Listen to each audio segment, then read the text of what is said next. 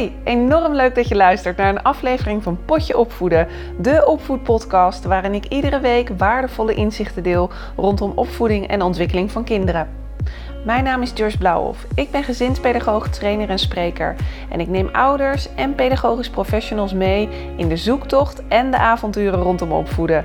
Dit is jouw wekelijkse inspiratie en steuntje in de rug, de Potje Opvoeden podcast.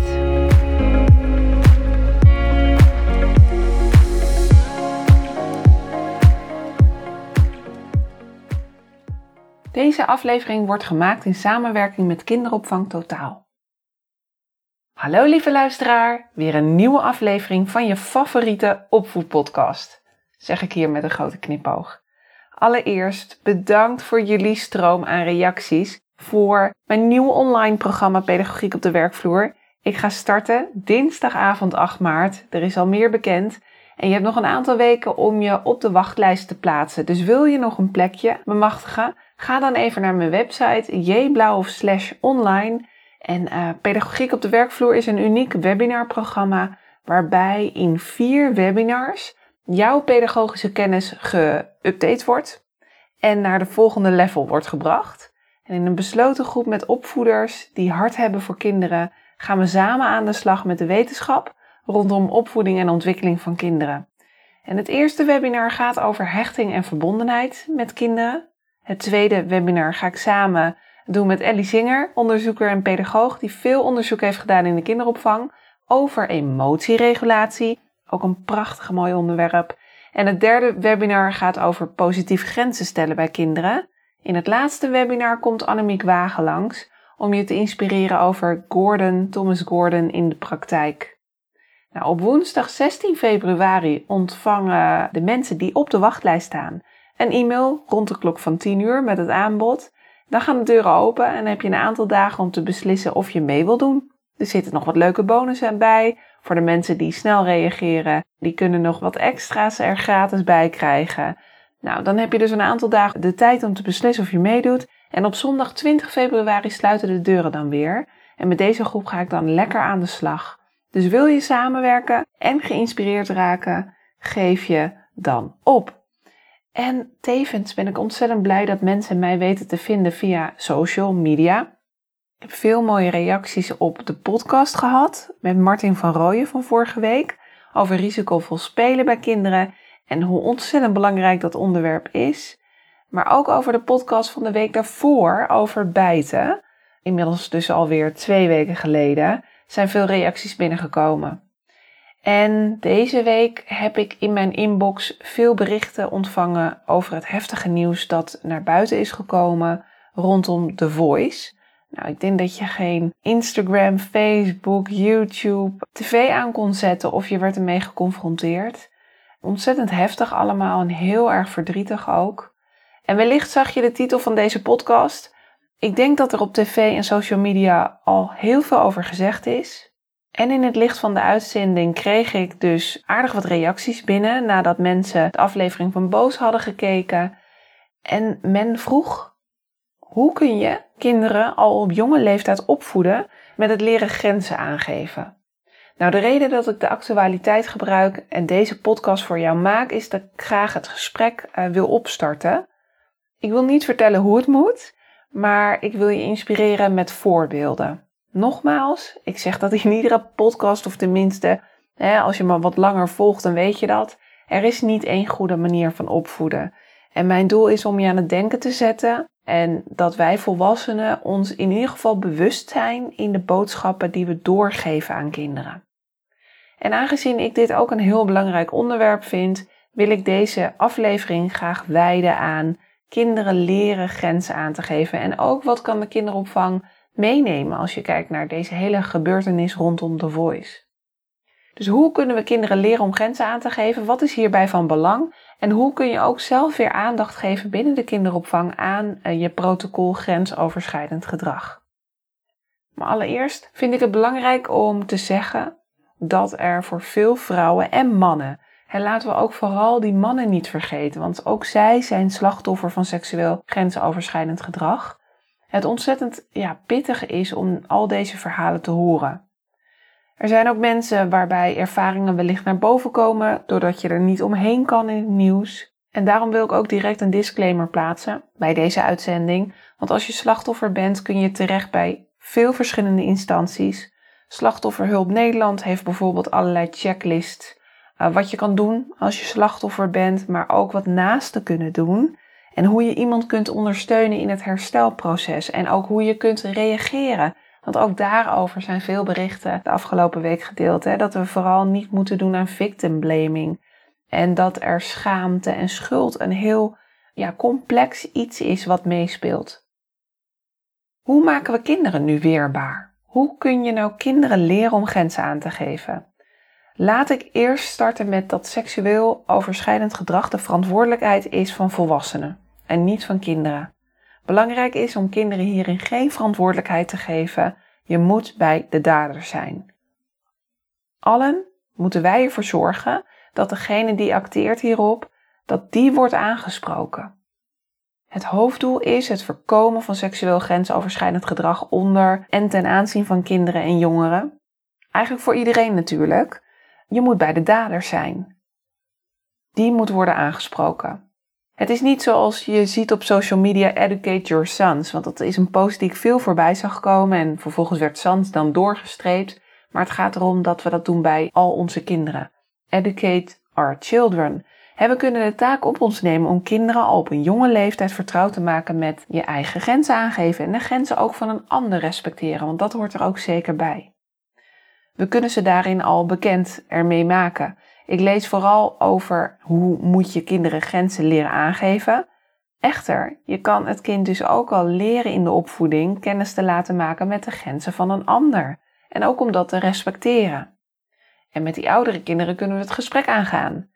Het is dan onze taak om te luisteren naar kinderen en een sfeer te creëren waarin er een veilig klimaat is.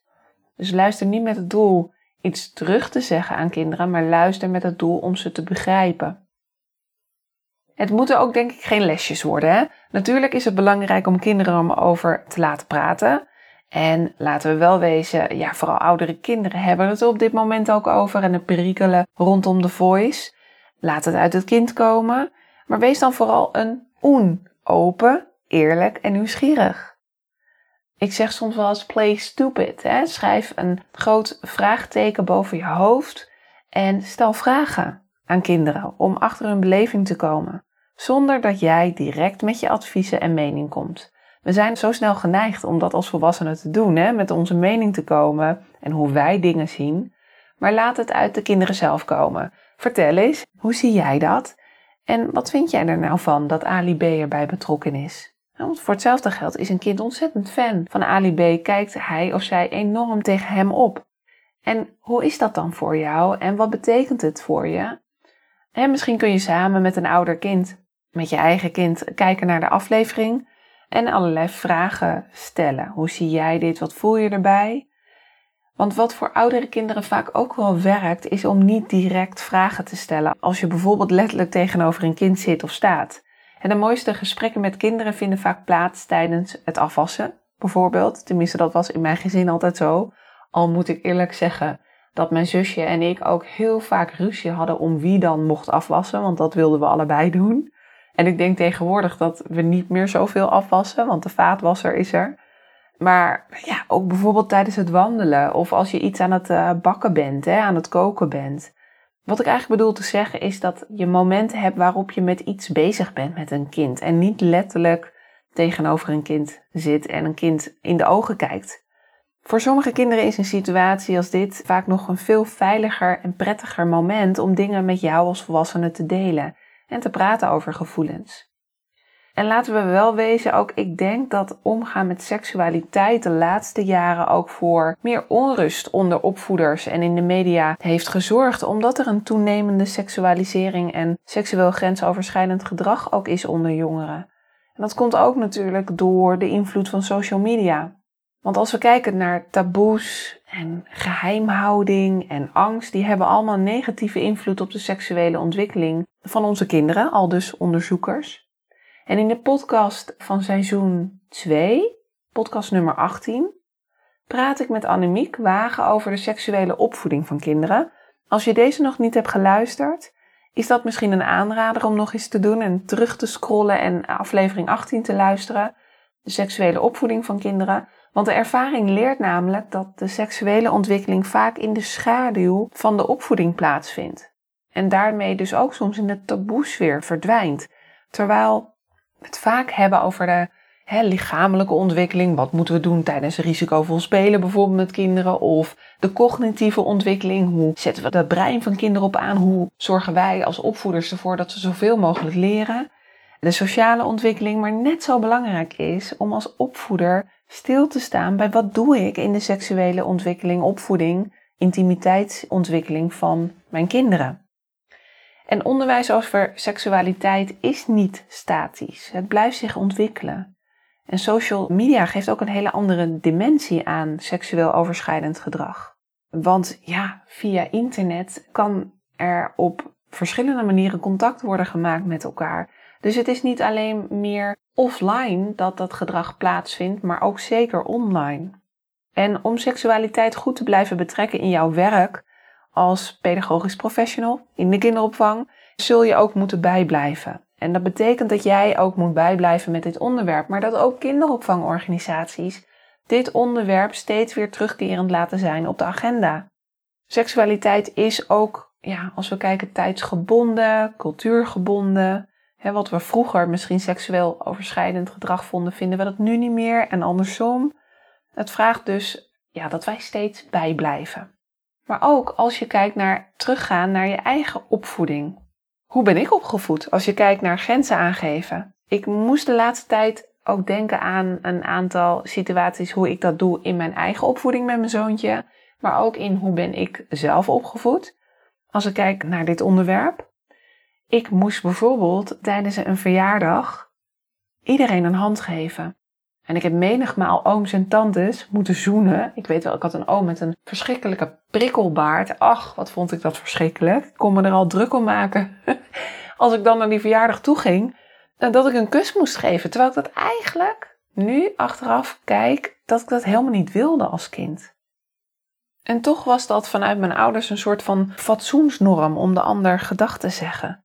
Wat ik laatst ontzettend mooi vond, is dat mijn vader wilde stoeien met mijn zoontje. En hij ging uh, de lucht in, mijn zoontje van 2,5. En toen zei hij: Nee, opa, niet fijn. En mijn vader hield op met stoeien. Meestal is mijn vader een man die lekker doorgaat. Hè? Dat was met ons vroeger ook altijd zo. Mijn zusje en ik gilden het dan uit, soms bij het stoeien. Maar ook hierin is dus belangrijk dat wij de grenzen accepteren van kinderen. En dat dat niets zegt over onszelf. Het zegt namelijk niets over jouw relatie met een kind. Als we willen dat kinderen grenzen leren aangeven, dan moeten wij dit ook respecteren. Van de week zei mijn zoontje: Mama niet doen, geen kusje geven. En dit was tijdens een moment waarop ik werd overspoeld met liefde. Misschien ken je zo'n moment wel, hè, dat je dat hapje wil nemen uit je kind. Dat had ik toen in de podcast over bijten ook benoemd. Ik wilde hem knuffelen. Had ik dit gevraagd aan hem? Nee, had ik niet gedaan. En het is ook wel goed om je hiervan bewust te zijn. Als ik wil dat hij leert grenzen te kennen, dan zal ik ook zijn grens moeten respecteren. Mag ik een kusje? Mag ik een knuffel? En dit respecteer ik als hij dit tegen bijvoorbeeld familie doet en ook als hij dan tijdens het afscheid nemen geen knuffel wil geven, geen high five of een kusje wil geven. Hij mag eigenlijk bepalen hoe hij gedag wil zeggen. En ik moet je eerlijk zeggen dat ik het wel belangrijk vind dat hij leert gedag zeggen als een soort van fatsoensnorm. Misschien is dat ook niet goed, want dat zegt veel meer over mij. Maar hij mag in ieder geval de vorm kiezen. Maar iedere manier is dan ook goed. En net wat het kind aangeeft. De andere kant is ook dat ik ook mijn grenzen aangeef als ouder. Hij vindt het bijvoorbeeld enorm leuk om, als hij in bad is geweest, hij kleedt zich dan aan en ik help hem erbij, dat hij daar op mij mag klimmen. En laatst had ik er geen zin in. Ik had, ik had er gewoon geen zin in. Die kerel die gaat dan over mijn hoofd heen. Ik had last van mijn rug. En toen benoemde ik ook, ik vind het nu even niet fijn. Hij vond het niet leuk om te horen. Maar ik wilde hem ook even bewust laten ervaren wat mijn grens is. Hij begon te huilen. En het enige wat ik dan doe, is zijn emoties erkennen door te zeggen: Je vindt het niet leuk hè, dat je niet mag klimmen. je had dat heel graag gedaan. En ik vind het nu even niet fijn. Punt. Want ook daarin, ik laat het dan ook even zijn. Ik ben ook misschien soms snel geneigd om te zeggen: je mag het morgen weer doen. Of weet je wat wel mag? Je mag straks zeggen, gaan we als een kikker naar boven toe springen. Ik noem maar wat. Maar ik denk ook echt dat het goed is om kinderen te leren frustraties te verdragen. Zonder dat het weer wordt goedgemaakt of wordt opgelost. dat het er ook gewoon even mag zijn en punt. Dat ik niet zelf dan meteen als opvoeder allerlei dingen ga bedenken om de pijn te verzachten. Maar ja, dat is een, eigenlijk de manier waarop ik het zie. En anders krijg je ook kinderen die altijd geleerd hebben te krijgen wat ze willen. En dat ouders dan de klap opvangen voor hun kind en dat ze dan niet snappen dat ze soms tegen een grens aanlopen. En dat je ook gewoon als mens soms moet dealen met je eigen gevoelens. En dat je dan niet door blijft gaan of dat het dan weer door een externe partij wordt goedgemaakt.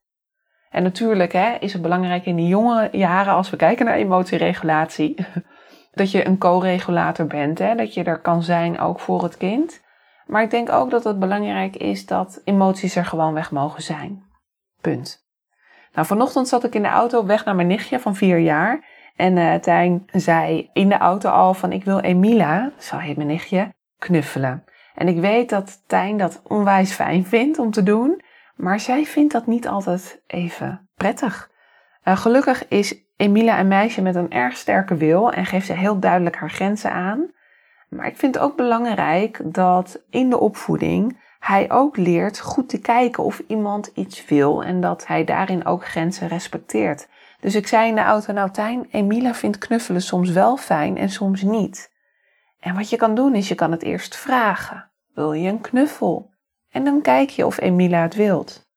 En als ze het dan wil, dan kan je haar een knuffel geven. En misschien kan het ook wel zijn dat ze nee zegt. En dat mag ook. Dus daarin is het ook goed hè, dat, dat zij dat gewoon aangeeft. En toen vervolgde ik nog van ja, dat betekent niet dat zij je niet lief vindt, maar dan wil ze op dat moment geen knuffel. En ik zag hem een beetje kijken en ik weet helemaal niet of hij er iets van meepikt. Maar ja, dit is mijn manier om in ieder geval hem ook ja, bewust te maken dat een ander kindje het soms niet prettig kan vinden. Dat hij ook wel goed kijkt naar wil een kind het wel of niet. En als een ander kind zegt nee of stop, dat hij dat ook ja, daarin leert omgaan. Hij heeft natuurlijk nog heel veel te leren, maar dit is ook een vaardigheid om te leren. En ook wat ik belangrijk vond, is dat hij het niet ziet als een persoonlijke afwijzing. Hè? Dat, dat dat ook gewoon mag en dat dat niks over hem zegt. Dat doet mij meteen denken aan de tijd dat ik heb gewerkt in een psychotherapeutisch centrum met kinderen met autisme spectrumstoornis in de leeftijd van 6 tot 12 jaar. En een van de dingen was die belangrijk uh, was in het grenzen respecteren, dat we vroegen aan kinderen of we binnen mochten komen in hun kamer. Of dat we op hun bed mochten gaan zitten als het bedritueel er was. De kinderen die verbleven door de week in het centrum en in het weekend gingen ze dan weer naar huis toe. En dit was belangrijk meer om aan te geven aan kinderen dat dat de plek was van het kind en dat zij daar zeggenschap over hebben. Dus het begint al bij kinderen leren dat zij zeggenschap hebben over intimiteit. Maar ook als je merkt dat een kind bijvoorbeeld een grens aangeeft, dat je daar een compliment over geeft. Het is ook goed om kinderen bewust te maken dat er goede en slechte geheimen zijn. Want als een kind bijvoorbeeld slachtoffer is van seksueel grensoverschrijdend gedrag, wordt een kind gevraagd om een geheim te houden. En als een geheim kinderen angstig, ongemakkelijk, bang of verdrietig maakt, is het een slecht geheim dat ze niet voor zichzelf moeten houden. ze moeten het dan kunnen delen met de volwassenen die zij vertrouwen. En daarbij voor ouders is het ook soms moeilijk. Maar mag jouw kind in de opvoeding ook zijn grens aangeven? Jij vindt misschien iets belangrijk, maar het kind mag er anders over denken geef jij je kind de ruimte om er anders over te denken. En in het kader van de podcast van vorige week durf jij de kind de ruimte te geven om het zelf te ontdekken waar zijn of haar grenzen liggen. Vorige week ging de podcast over risicovol spelen. Geef jij een kind de ruimte om zijn eigen pad te ontvouwen of ben je er steeds bij om de klappen op te vangen? Het gaat erom dat kinderen hun eigen identiteit ontwikkelen die losstaat van jou als ouder. Het hoeft geen mini-me-versie te worden. Ja, sorry.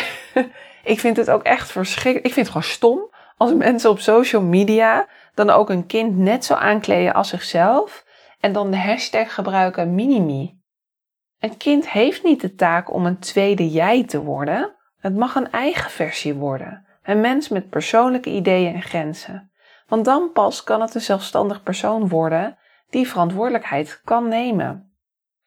Nou, ik geef zo'n uh, ruim tien jaar nu de training aanpak kindermishandeling en huiselijk geweld in de kinderopvang. Ik train leerpedagogisch professionals hoe zij kunnen omgaan met vermoedens omtrent kindermishandeling en grensoverschrijdend gedrag. En hoe zij de stappen van de meldcode kunnen hanteren en onder andere niet veroordelend een gesprek kunnen voeren met ouders om hen te helpen. Ik zou hier nog wel eens een keertje een aparte podcast aan kunnen wijden. Ga ik nu niet doen. Maar ik vind het zelf een fijne training om te geven. En dat is een beetje gek om te zeggen, want hoe heftig dit onderwerp dus ook is. Mensen geven aan, hé, hey, mijn ogen zijn geopend. Ik kan een stem zijn voor een kind. En ik kan ook ouders helpen. En er zijn gedragsregels en protocollen in de kinderopvang voor grensoverschrijdend gedrag. En onder grensoverschrijdend gedrag wordt dus niet alleen gedrag verstaan van seksuele aard, maar elke vorm hè, van bedreigde of gewelddadige interactie van fysiek, psychische of dus dan seksuele aard, die de ene persoon ten opzichte van de andere persoon actief dan wel passief opdringt. En ook organisaties moeten hun beleid op orde hebben om een veilige situatie te creëren voor medewerkers om te kunnen melden. Wat me opviel is dat John de Mol vertelde in zijn interview dat vrouwen het gedrag niet melden, terwijl er binnen zijn bedrijf wel loketten zijn. En voor de coaches zijn er geen gedragsregels bij aanvang besproken. En wellicht ondertekend in een contract hè, dat seksueel contact met kandidaten gewoon een no-go is, dat het niet is toegestaan, dat dat een grens is en dat dat niet mag. Want, al dus John de Mol, je kan je ook niet voorstellen dat zoiets gebeurt, dus dan wordt er niet over gepraat. In de kinderopvang kennen we een meldplicht bij een vermoeden van geweld of een zedendelict door een medewerker. Dat is deel 2 van het protocol. En dan heb je ook nog een deel 3 als er sprake is van seksueel overschrijdend gedrag tussen kinderen onderling. Ik roep je eens op om deze erbij te pakken. Vaak kennen we de stappen van de meldcode wel. En deel 2 en deel 3 is nog iets wat ook weer onder de aandacht kan worden gebracht. Nou, laten we nu eens luisteren naar een stukje van de podcast, podcast nummer 18, waarin Annemiek drie punten deelt over gedrag dat seksueel overschrijdend gedrag is in de opvoeding bij kinderen onderling. Maar eigenlijk zijn dat de drie punten waarvan je even langs kan lopen. Is het nou ongewenst of niet en moet ik er iets mee? Eentje is het gedrag wat het kind laat zien, leeftijdsadequaat. Juist. Ik vind een tweejarige die in zijn blootje zes rondjes om de tafel wil rennen. En dan mag je met elkaar even bespreken of je dat toelaatbaar vindt in je dagverblijf of in je visie of in je beleid. Maar het feit dat hij het wil, dat is leeftijdsadequaat. Ja. Is dat een tienjarige? Ja, hebben we geloof ik toch een ander gesprek. Hè? Die moeten we anders wel na gaan denken waarom die dat zou willen. maar goed, dat mag je als gedrag, als gedrag zijnde aanleren. Dat is niet de bedoeling. Dat is één. Is het leeftijdsadequaat? Twee is, is het leeftijdsverschil tussen de kinderen. Als het gedrag tussen kinderen, is het leeftijdsverschil niet te groot. Mhm. Als je kijkt bijvoorbeeld naar doktertjes spelen, ook zo'n spel wat soms echt wel heel ingewikkeld gevonden kan worden. Maar is het een driejarige die doktertje speelt met die tienjarige, dan vind ik dat een behoorlijk groot leeftijdsverschil. Inderdaad. Ja. Dus daar mag of moet je iets mee. En ik vind het altijd, eh, het is mede ook altijd ongewenst als een van de twee het niet wil. Als een van de kinderen nee zegt, is het nee. Als een van de volwassenen nee zegt, is het nee. Als het kind nee zegt, is het nee. En daarbij, hè, het is zo belangrijk om te praten met je team. Gesprekken over de meldcode, welke routes er zijn, maar ook ervaringen. Wat vinden we van aanraken? En laten we bijvoorbeeld kinderen met elkaar naar de toilet gaan. Wat vinden we ervan? En hoe reageren wij als team op grensoverschrijdend gedrag als een collega dat doet? Hoe doen we dat als kinderen dat laten zien? Maar ook van collega's onderling. En ik heb Nathalie uitgenodigd om in deze podcast er wat over te vertellen. Nou, ik heb uh, Nathalie in de uitzending. Zij ondersteunt aandachtsfunctionarissen en leidinggevenden om beleid te implementeren zodat grensoverschrijdend gedrag kan worden voorkomen en effectief wordt gesignaleerd. En daarnaast heeft zij de afgelopen jaren ondersteuning geboden aan organisaties bij zedenincidenten. Nou, Nathalie, allereerst ontzettend bedankt dat je op zo'n korte termijn eh, in de podcast wil verschijnen. Ja, graag gedaan. Wat merk jij als jouw ondersteuning wordt ingeroepen? Wat ik merk, ik word uh, gevraagd op het moment dat er een zedenincident is. En dat kan dus door een medewerker zijn bijvoorbeeld, naar een kind toe. En dan ga ik binnen de organisatie kijken waar ik ondersteuning bij kan bieden. Dat is heel breed. En als je vraagt wat zie je dan, dan zie ik bijna altijd dat het beleid niet op orde is. Het beleid rondom seksueel grensoverschrijdend gedrag of rondom grensoverschrijdend gedrag en de gedragscodes. En dat er vaak te weinig een bespreek- en aanspreekcultuur is. Dus dat er eigenlijk niet over wordt gesproken. Mm ja. Dat is wat ik zo in het kort zie. En verder zie ik natuurlijk een heleboel verdriet op het moment dat mensen te maken hebben met een zedenincident. Dus voorkomen is altijd beter dan genezen in dit geval. Ja, want de wet meldcode is uh, ingevoerd hè, voor iedereen, uh, alle professionals die werken met kinderen, uh, die zijn verplicht om de stappen van de meldcode te doorlopen. Dat is een aantal jaren terug ingevoerd. Ja, wat ik zie, hè, de kinderopvang heeft een protocol. En een van de routes in dat protocol is de meldplicht bij seksueel grensoverschrijdend gedrag of grensoverschrijdend gedrag door een medewerker. Maar daarin staat natuurlijk, wat moet je doen bij grensoverschrijdend gedrag? En we hebben een meldplicht. Dat is heel erg goed, want bijna alle, alle beroepsgroepen hebben een meldplicht. Hè, die met cliënten of burgers of kinderen werken. En dat gaat naar de inspecteur toe, hè, dus naar de toezichthouder. Maar wat dat is, dat is papier. Of, of als je het digitaal hebt, is het een bestand. Wat belangrijk is, is dat je van dat papieren document of dat digitale document een levende werkwijze maakt. Dat het voor iedereen duidelijk is, hoe gaan wij hier nu mee om? En als je kijkt naar ja, hoe ga je daar nou mee om? Dan denk ik dat het het aller, aller, allerbelangrijkste is dat je als volwassene de verantwoordelijkheid hiervoor neemt. Wij zijn als volwassenen verantwoordelijk om ervoor te zorgen dat kinderen veilig kunnen opgroeien. En binnen de kinderopvang, en we hebben het nu over de kinderopvang, dan zie je dat pedagogische professionals, die hebben altijd een machtsongelijkheid. De positie van een pedagogisch professional naar een kind, dat is er één met machtsongelijkheid, waarin het kind afhankelijk is. Dat is op zich geen probleem, mits je daar natuurlijk heel zorgvuldig mee omgaat. Als je een veilige omgeving kan creëren, dan kan het kind zich ontwikkelen. Nou, ik denk altijd, het begint vanuit, als je kijkt naar hoe, hoe kun je beginnen, dat kan op allerlei manieren, maar ik denk altijd, begin met wat je al hebt. En dat is je protocol grensoverschrijdend gedrag. En als het goed is, ook je gedragscode. In een gedragscode staat hoe ga je met elkaar om. En in je protocol grensoverschrijdend gedrag, hè, eigenlijk de meldcode, route 2, in je protocol grensoverschrijdend gedrag staat, wat doen we als het misgaat? Nou, mhm. die twee, dus je gedragscode en je protocol, die vullen elkaar dus aan. Alleen, dat alleen is natuurlijk niet voldoende. Hoe je ernaar kan kijken is dat, dat als je naar pedagogische professionals kijkt en ook naar andere beroepsgroepen, is je hebt grensoverschrijdend gedrag door overbelaste zorg. Stel, hè, je staat met te weinig mensen op de groep, het is te druk. Je kunt je er misschien wel iets bij voorstellen. Het lukt je niet goed om goede zorg te geven. En wat er ook gebeurt, ja, je gaat de grens over. Vaak vinden dat mensen dat zelf heel erg vervelend, omdat ze heel goed begrijpen dat dat niet de bedoeling is. En dan hangt het er vanaf, praat je hierover? Durf je hierover te praten? Is er dus al een cultuur? Hè? Heb je dus al een cultuur binnen je groep, binnen je locatie, waarin het logisch is, hè, waarin het mag om te zeggen, ik vind dit moeilijk. Of mhm. het is vandaag niet goed gegaan.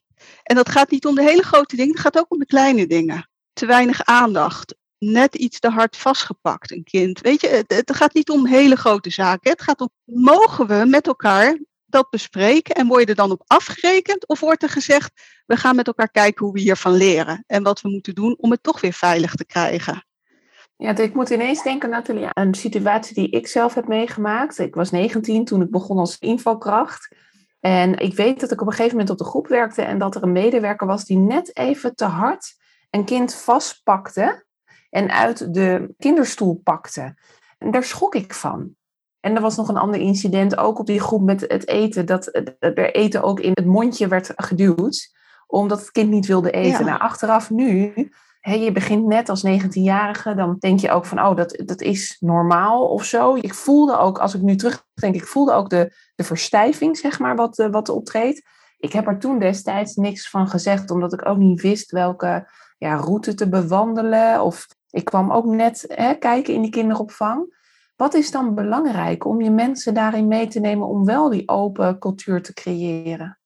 Als je daarover na zou denken, jij als 19-jarige, net in de kinderopvang, wat had je graag gewild? Had je bijvoorbeeld, hè, had het geholpen bijvoorbeeld, als er tijdens het teamoverleg dit soort thema's aan de orde komen? Van wat vind je lastig? Weet je, wat gaat er goed? Maar wat vind je lastig? En dat je daar niet op wordt afgerekend, maar binnen een veilige omgeving over kan praten. Ik vind dit moeilijk. Of ik heb een peuter die. Of weet je zo. Het had mij uh, geholpen, denk ik, als in mijn inwerkperiode er werd benoemd van stel je voor, er zijn situaties op de groep waarbij er dit of dit kan gebeuren. Weet dan dat we daar protocol voor hebben en dat je naar die of naar diegene kan gaan. In ieder geval wat ik nu bedenk ineens, Nathalie, denk ik van onderstroom naar bovenstroom halen. Wel gewoon benoemen dat, wat het er is. Ik denk aan dat hele interview met John de Mol, dat hij ook benoemde, ja, weet je, moet dat op papier staan? Uh, moeten wij daarin hè, naar die coaches toe die gedragsregels hebben? Dat, dat hoor je toch gewoon te weten. Dat gebeurt toch gewoon niet? Maar ik denk daarin dat we met elkaar het naar bovenstroom halen en het bespreken en uit die taboesfeer halen. Zou dat al heel erg helpen? Ja, dat, dat helpt heel erg. Als je dit, wat jij zegt, in een inwerkperiode meeneemt, tijdens teamoverleggen meeneemt. Je geeft mensen een training over hoe bespreek ik dit? Als ik nou iets zie waar ik bijvoorbeeld van schrik of wat ik grensoverschrijdend vind, wat zeg ik tegen mijn collega om te laten weten dat ik dit heb gezien? En dan kan je zeggen, je kan het toch gewoon zeggen.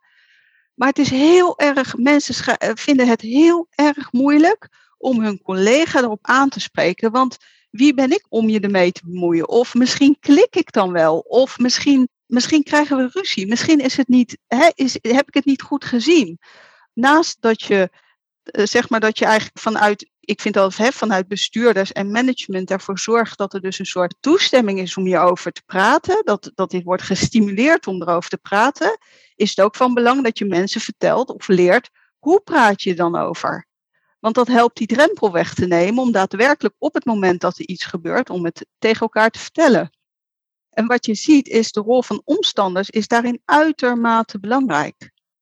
Weet je, dus als omstanders hun mond houden, dan zie je dat er een bepaalde cultuur binnen een organisatie ontstaat. En dan zie je dat als je minder geluk hebt, zeg maar binnen je organisatie, dat dat een soort glijdende schaal is. En dat er steeds meer wordt getolereerd naar kinderen toe. En wanneer is dan nog het moment om erover te praten? Want wat ik zie is op het moment dat het echt mensen met intentie grensoverschrijdend gedrag vertonen, is ook op het moment dat je als collega er iets van zegt, kan de reactie ook anders zijn. Ja, mensen kunnen het ontkennen, mensen kunnen het bagatelliseren. Ja, dat is lastig. Want dan denk, ga je al gauw als collega, denk je, ja, misschien heb ik het niet goed gezien. Of mijn normen en waarden zijn veel te streng. Dus, um, ja, dus wat je eigenlijk zegt, hè, eh, die, die hele meldcode, als we kijken naar de kinderopvang, daar zijn gedragsregels. Heel belangrijk om die open cultuur te hebben, maar ook die aanspreekcultuur. Training is denk ik daarvoor essentieel, hè, als we kijken naar de training meldcode. Maar dat het dus niet gewoonweg een papier of een document blijft, maar dat het levendig wordt. Dus tip, en een tip voor de kinderopvang is om dat uh, in te brengen in teambesprekingen, zeg je. Ja. wat, wat, kunnen ze nog meer doen, kinderopvangorganisaties? Mijn advies zou zijn om te kijken naar de aandachtsfunctionaris die heel veel kinderopvangcentra hebben. Die stimuleert dat die meldcode wordt gebruikt, maar wat ik in de praktijk zie, is dat ze veelal de route van de aanpak kindermishandeling daar wel op geschoold worden, maar dat de route grensoverschrijdend gedrag door medewerkers, dat dat eigenlijk een ondergeschoven kindje is. Mijn advies is pak met dezelfde belangrijkheid als die aanpak kindermishandeling. Dat, dat wil je ook signaleren, daar wil je ook hulp voor inzetten, dat wil je ook zien te voorkomen. En alles om ervoor te zorgen dat kinderen gezond en veilig op kunnen groeien. Ja, dit hè, grensoverschrijdend gedrag door een collega, door een medewerker, kan dezelfde ontwikkelingsschade toebrengen. Dus mijn advies zou zijn aan organisaties is, kijk goed naar je aandachtsfunctionaris of je locatieleider of een andere manager, iemand in lijn. Kijk of er ergens dus iemand is die dit in zijn agenda heeft. Hè. En zo niet, zorg ervoor dat er iemand komt die dit als aandachtsgebied heeft. Laat diegene trainen. Nou, dan kan diegene kan weer hè, naast zo'n training gaan kijken, ja, wat willen we allemaal? Hoe zorgen we ervoor dat het op de agenda komt binnen alle teams? Hoe zorgen we ervoor dat mensen erover durven te praten? Ja. Hoe, gaan wij, hoe praten we hier met kinderen over? Dat is ook een hele belangrijke. Gewoon dan heb ik het niet per se over seksueel grensoverschrijdend gedrag. En in de ergste vorm, maar wel gewoon over hoe praat je over omgangsvormen, hoe praat je over seksualiteit. Wat denk je eigenlijk als team daarover? Hè? Wat vind je daarvan? Wat laat je toe? Wat laat je niet toe? Ja. En op wat voor manier dan ook? En met de woorden van Nathalie komen we aan het einde van deze podcast. Kortom, even ja, samenvattend.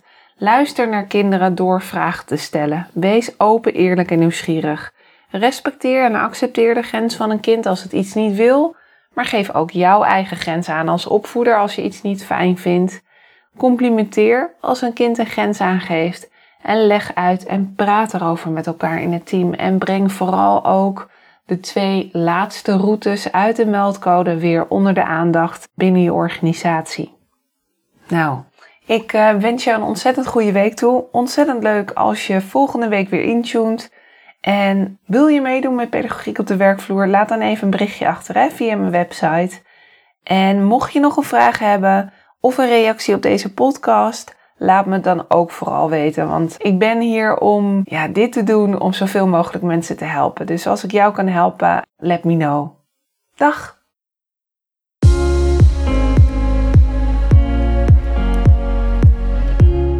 Hey, wat ontzettend leuk dat je hebt geluisterd. Bedankt daarvoor. Nog een paar dingen die ik graag met je wil delen. Wil je alle afleveringen overzichtelijk onder elkaar? Abonneer je dan op deze podcast. Klik in jouw podcast-app op de button subscribe of abonneren en je ontvangt dan automatisch een berichtje als er een nieuwe aflevering online komt. Mijn missie is om zoveel mogelijk ouders en pedagogisch professionals te helpen bij het opvoeden van kinderen. En om mijn missie te bereiken, helpt het als jij een review wilt achterlaten via de app waarmee je deze podcast luistert. Ken je nou iemand voor wie deze aflevering interessant is? Dan zou het fijn zijn als je hem of haar deze aflevering doorstuurt, door bijvoorbeeld de link te kopiëren in Spotify. Ik zou het ook gaaf vinden als je een screenshot deelt als je deze podcast luistert en deelt via social media.